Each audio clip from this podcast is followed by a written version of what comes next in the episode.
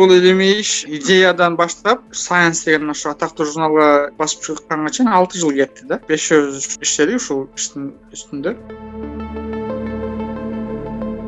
Куйрук кез келдиргич үчүн өтө оор да мындай карап көргөндө бирок түшүрбөй чуркап жүрө берет. Чуркап жүргөндө күч мынандай түз келет да андай айырыш кыйын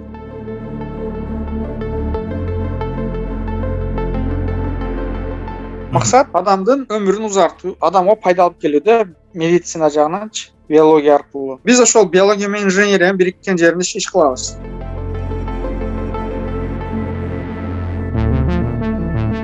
Саламатсызбы? Бул азыркы кыргызстандык подкасты жана мен элиза кененбаева. Он жетинчи февралда дүйнөлүк сайенс илимий журналына кескелдириктер өз куйругун кантип кесип жиберишин түшүндүргөн илимий иш жарыяланды анын авторлорунун арасында кыргызстандык ажымурат оразалиев дагы бар ажымурат отуз үч жашта абу дабидеги нью йорк университетинде изилдөөчү инженер болуп эмгектенет. Жаш окумуштуу менен нурболот азамат байланышты. Ажымурат мырза алгач сизди илимий ийгилигиңиз менен куттуктайлы дагы өзүңүз менен жакындан таанышалы. Чоң рахмат. Мен ажымурат оразалиев абу дабиде нью йорк университетинде иштейм. Нью йорк университети абу дабиде университет бар. Бул ошо нью йорк университетинин абу дабиде жайгашкан кампусу ушул жерде инженерия бөлүмүндө research инженер деп коет. Инженер болуп иштейм. Жети жыл болуп калды ушул жерде иштегениме. Бишкектен э, беш жылдык жанагы жогорку билим алып ала атаа университетинен. Анан бул жака магистратура окуганы келгем магистратура окуп анан магистратура бүткөндөн кийин бул жакта жумушка чакырышты ошо ошентип калып калганбыз ажымурат мырза сиз арасында болгон окумуштуулардын тобунун илимий иши кескелдириктердин куйругунун аутотомиясынын сынышынын биомиметикалык модели деп аталат экен. Илимден алыс адамдарга түшүнүктүү жөнөкөй тил менен айта турган болсок бул илимий иш эмне жөнүндө? Эми э, биринчиден мындай э, болду. Бул илимий иш идеядан баштап сайенс деген ошо атактуу журналга басып чыкканга чейин алты жыл кетти да. Бешөөбүз иштедик ушул иштин үстүндө. Эң жөнөкөй эле бир баардыгыбызга белгилүү болгон кескелдирик бар. Эми кескелдириктин түрү көп да. Биз биз жөн эле кескелдирик куйругун кескенин баарына кескелдирик деп коебуз. Бирок чын чынына келгенде аябай түрү көп булардынчы абу даби ошо чөлдө жайгашкан үчүн чөлдө да кескелдирик көп. Биздин кампуста деле ошо кескелдириктер жүрөт да. Кантип эле ушу кескелдирик куйругун ушу заматта кесип коет эчек алдырбай депчи. Көз ачуңучак эле кесип коет экен анан. Биздин ошол кампустан эле кескелдириктерди кармап атайын видео тартып көрдүк да. Кандай болот экен деп. Хай спид камера деп коет. Бир секундта мисалы үчүн канча миң фрейм канча миң кадр тарта ала турган хай спид камера да. Ошо менен тартып көргөндө билинет да кесип аткан учурда эмне кылып атат биздин көзүбүз аны көрө албашы мүмкүн да. Карасак бир аз башкача кесет экен кескенде мындай бурап туруп ушундайынан кесет экен да. Кызык экен дедик анан э, куйрукту алып туруп баягы биологиялык неме да кескендер өзү качып кетип калат кескенден кийин. Кармагандан эми кое бересиң өлтүрүп коюш бул этикага жатпайт куйругун алып барып электрондук микроскоптон карадык да электрондук микроскоптон карасак элестетип манжалар окшош бир немелерден турат экен. Чачтын калыңдыгындай болгон таякчалардан турат экен да. Эми электрондук микроскопто нано өлчөмдө көрө аласың да анан дагы чоңойтуп карасак таякчалардын учунда нано тешиктер бар экен да. Суу толуп турат экен анан эң кызык жагы мындай экен. Куйрук кез келдиргич үчүн өтө оор да мындай карап көргөндө. Бирок түшүрбөй чуркап жүрө берет. Чуркап жүргөндө күч мындай түз келет да мындай айырыш кыйын. Мындай күч күчтүү кылган жана нано тешиктер экен. А бирок бир жырткыч келип жейм дегенде оңой эле ачылып койгон куйрукту кесем дегенде ал бурайт экен да. Ошол жер бураганда ал жер айрылат экен. Айрылганда жанагы нерсе оңоюраак айрылат. Айрылганга шарт түзөт экен да. Бир эле нерсе парадокс ошондо болуп атат да. Башынан эле парадокс болчу. Канткенде ошол куйрук бекем болот жана ошондой эле оңой кесилет дегенчи ошол парадокстун үстүнө иштегенбиз да. Ошол ошонун жообу катары ушул модельди чыгардык да. Жөн эле чуркап кетип атат дейли кескелдирип эч кимден качпай эле. Жөн эле чуркап кетип атканда моундай күч келет экен бул күчтө эч качан айрылбайт экен да. Бирок кескелдирик бурайм дегенде айрылат чекесинен башталыпчы бул изилдөө ишинин уникалдуулугу эмнеде? Илим үчүн баасы канчалык? Бул изилдөө илимге эмне бериши мүмкүн?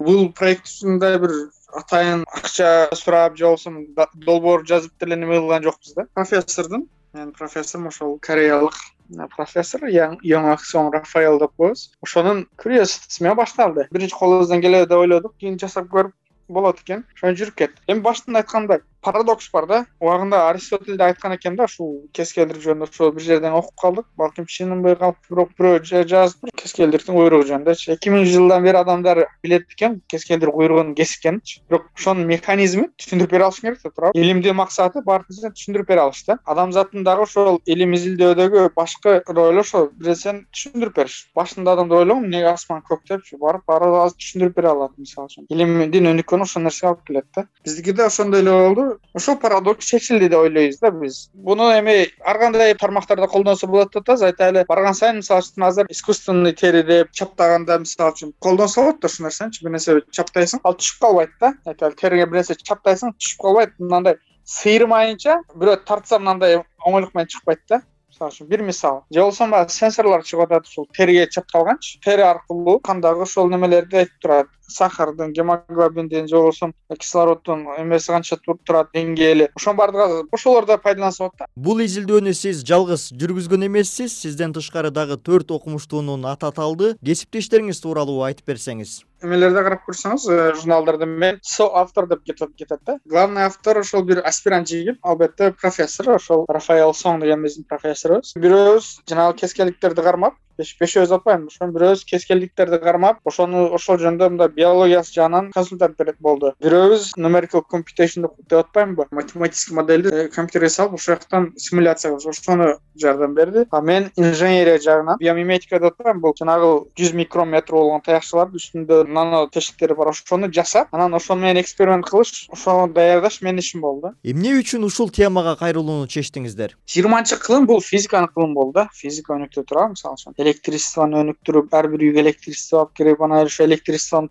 арты менен атомду бөлгөнгө чейин жетишти жыйырманчы кылымдачы. Жыйырма биринчи кылымда ошол электричество компьютер мисалы үчүнчү электричествонун арты менен келди да.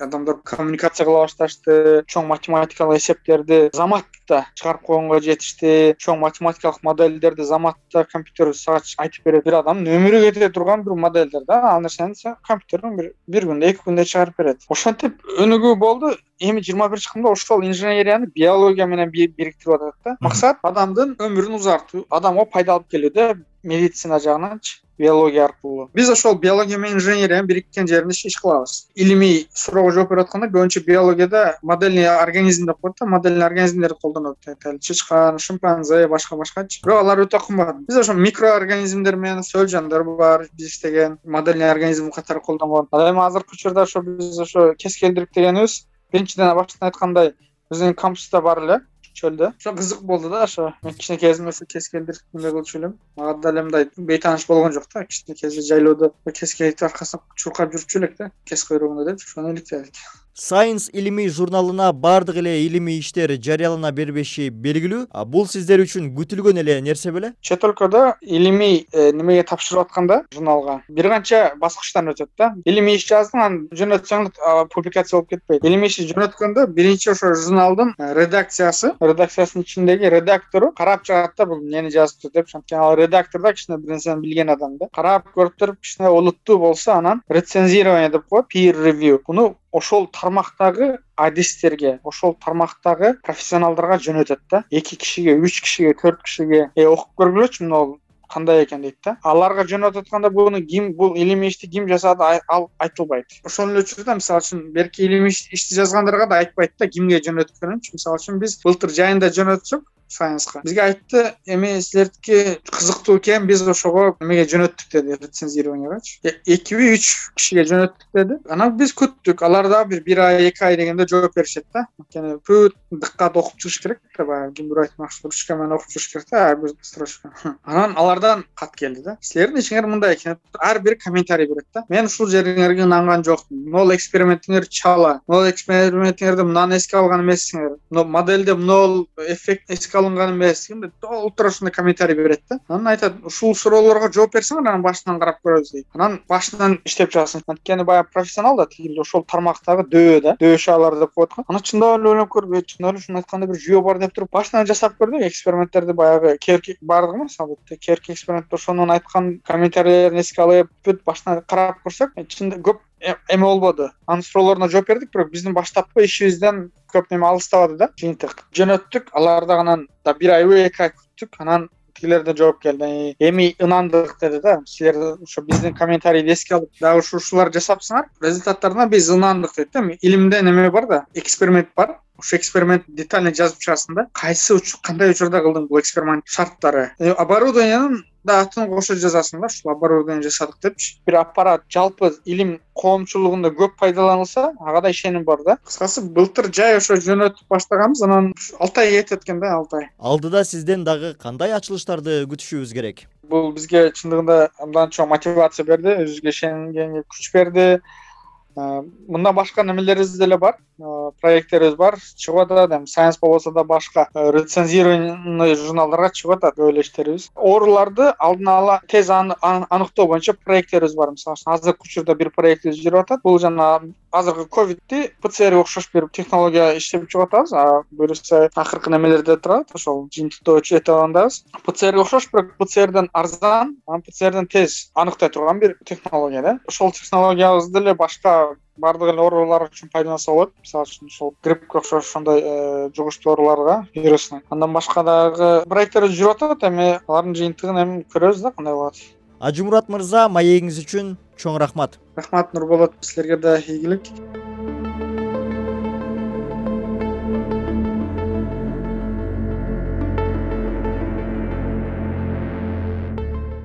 абу дабидеги нью йорк университетинде изилдөөчү инженер болуп эмгектенген ажымурат оразалиев менен нурболот азаматов маектешти. Сиз азыркы кыргызстандык подкастын уктуңуз.